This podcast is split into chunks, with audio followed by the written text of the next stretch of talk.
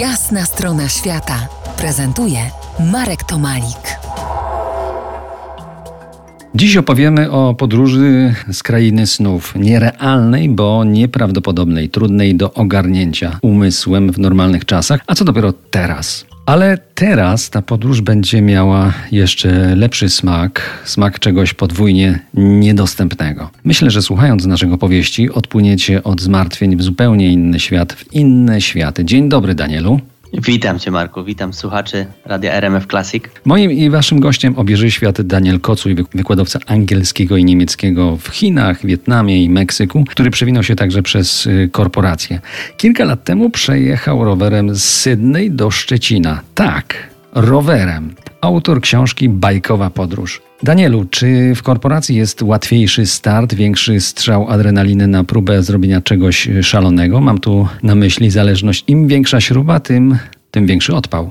Jest dokładnie tak, jak myślisz. Im bardziej czułem się przytwierdzony do fotela przy korporacyjnym biurku, tym bardziej myślami pędziłem już po odległych krainach, mi dotąd nieznanych. Podróż y, wyruszyliście we trójkę w 2015 roku. Katalizatorem pomysłu stała się wiza Work and Travel do Australii.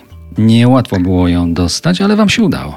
Tak jest, tu mogę się pochwalić, że chyba byłem i pierwszą osobą w Polsce, która dostała te wizy w ogóle, bo um, to jeszcze dopiero było w wiadomości w, w, internecie, że to ma być dostępne i nagle to się stało dostępne, trzeba było wysłać papiery do Berlina i nagle okazało się, że mamy te wizy i że możemy lecieć. Nie było to rzeczywiście e, łatwe, ale szczęście dopisało. Na początku pobytu w Australii mieliście nieziemskie sny. Wszyscy? Skąd one się wzięły?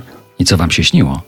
Australia, jak sam wiesz, została stworzona według aborygenów w czasie Dreamtime, tak? Czyli e, cokolwiek zostało wyśnione e, w dawniejszym czasie, jest namacalne teraz w formie wielkich głazów, e, kanionów i drzew baobabu.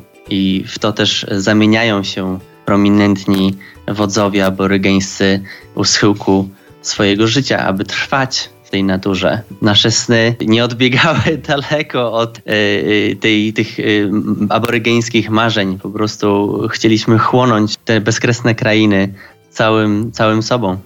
Tam na australijskiej ziemi stanąłeś przed, wydaje mi się, bardzo trudnym wyborem. Jakim? Jak z perspektywy czasu ten wybór obronisz? Rzeczywiście to był najtrudniejszy wybór. Musiałem zdecydować, czy y, trwać w związku, czy realizować to wielkie marzenie, którym było przejechać z Sydney do Szczecina rowerem. Ale wyjechałeś e, z dziewczyną, prawda? Tak, tak, wyjechaliśmy, wyjechaliśmy razem. Decyzję ułatwiło mi to, że dziewczyna chciała tam zostać i, i, i marzyło jej się, żeby po prostu zamieszkać w tej Australii, y, żeby, żeby już nie kontynuować tej jazdy przez pustkowia, tylko po prostu rzucić kotwicę. Z perspektywy czasu nadal uważam, że to była najtrudniejsza decyzja, no ale z drugiej strony trzeba chyba żyć tak, żeby niczego nie żałować. Za kilkanaście minut ruszymy z Danielem dalej, dalej, dalej, dalej. Zostańcie z nami w RMF Classic. To jest jasna strona świata w RMF Classic.